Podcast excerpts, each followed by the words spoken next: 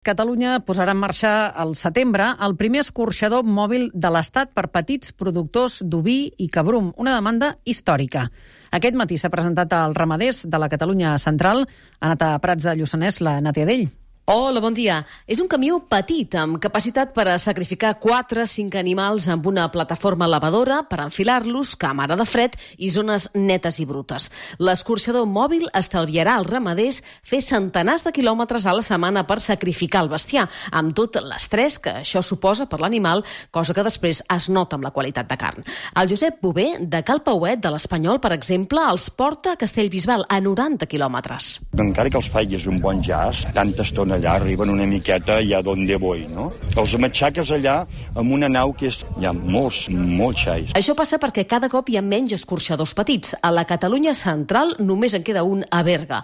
Albert Puigbert és el gerent d'ARC, a l'Associació d'Iniciatives Rurals. Portem 30-40 anys que abans hi havia un escorxador a cada poble, es van anar tancant els escorxadors municipals, els escorxadors comarcals cada vegada més per la qüestió d'orientació al porcí han anat tancant línies i per tant la gent dels petits remugants queden sense escorxadors a proximitat. L'Abel Paraire del Soler de Nuc a Prats afegeix. Tres xais d'un pastor, tres xais d'un altre, tres xais d'un altre, i això per ells els suposa un problema. Jo ho puc entendre. Però des de l'administració s'ha lluitat no perquè aquests grans absorbeixin la nostra matança, sinó per donar eines als petits productors que puguin sacrificar-se aquests animals de maneres decents i amb les màximes condicions de benestar animal. L'escorxador mòbil ha costat 96.000 euros i s'ha pagat entre la Diputació de Barcelona i fons europeus.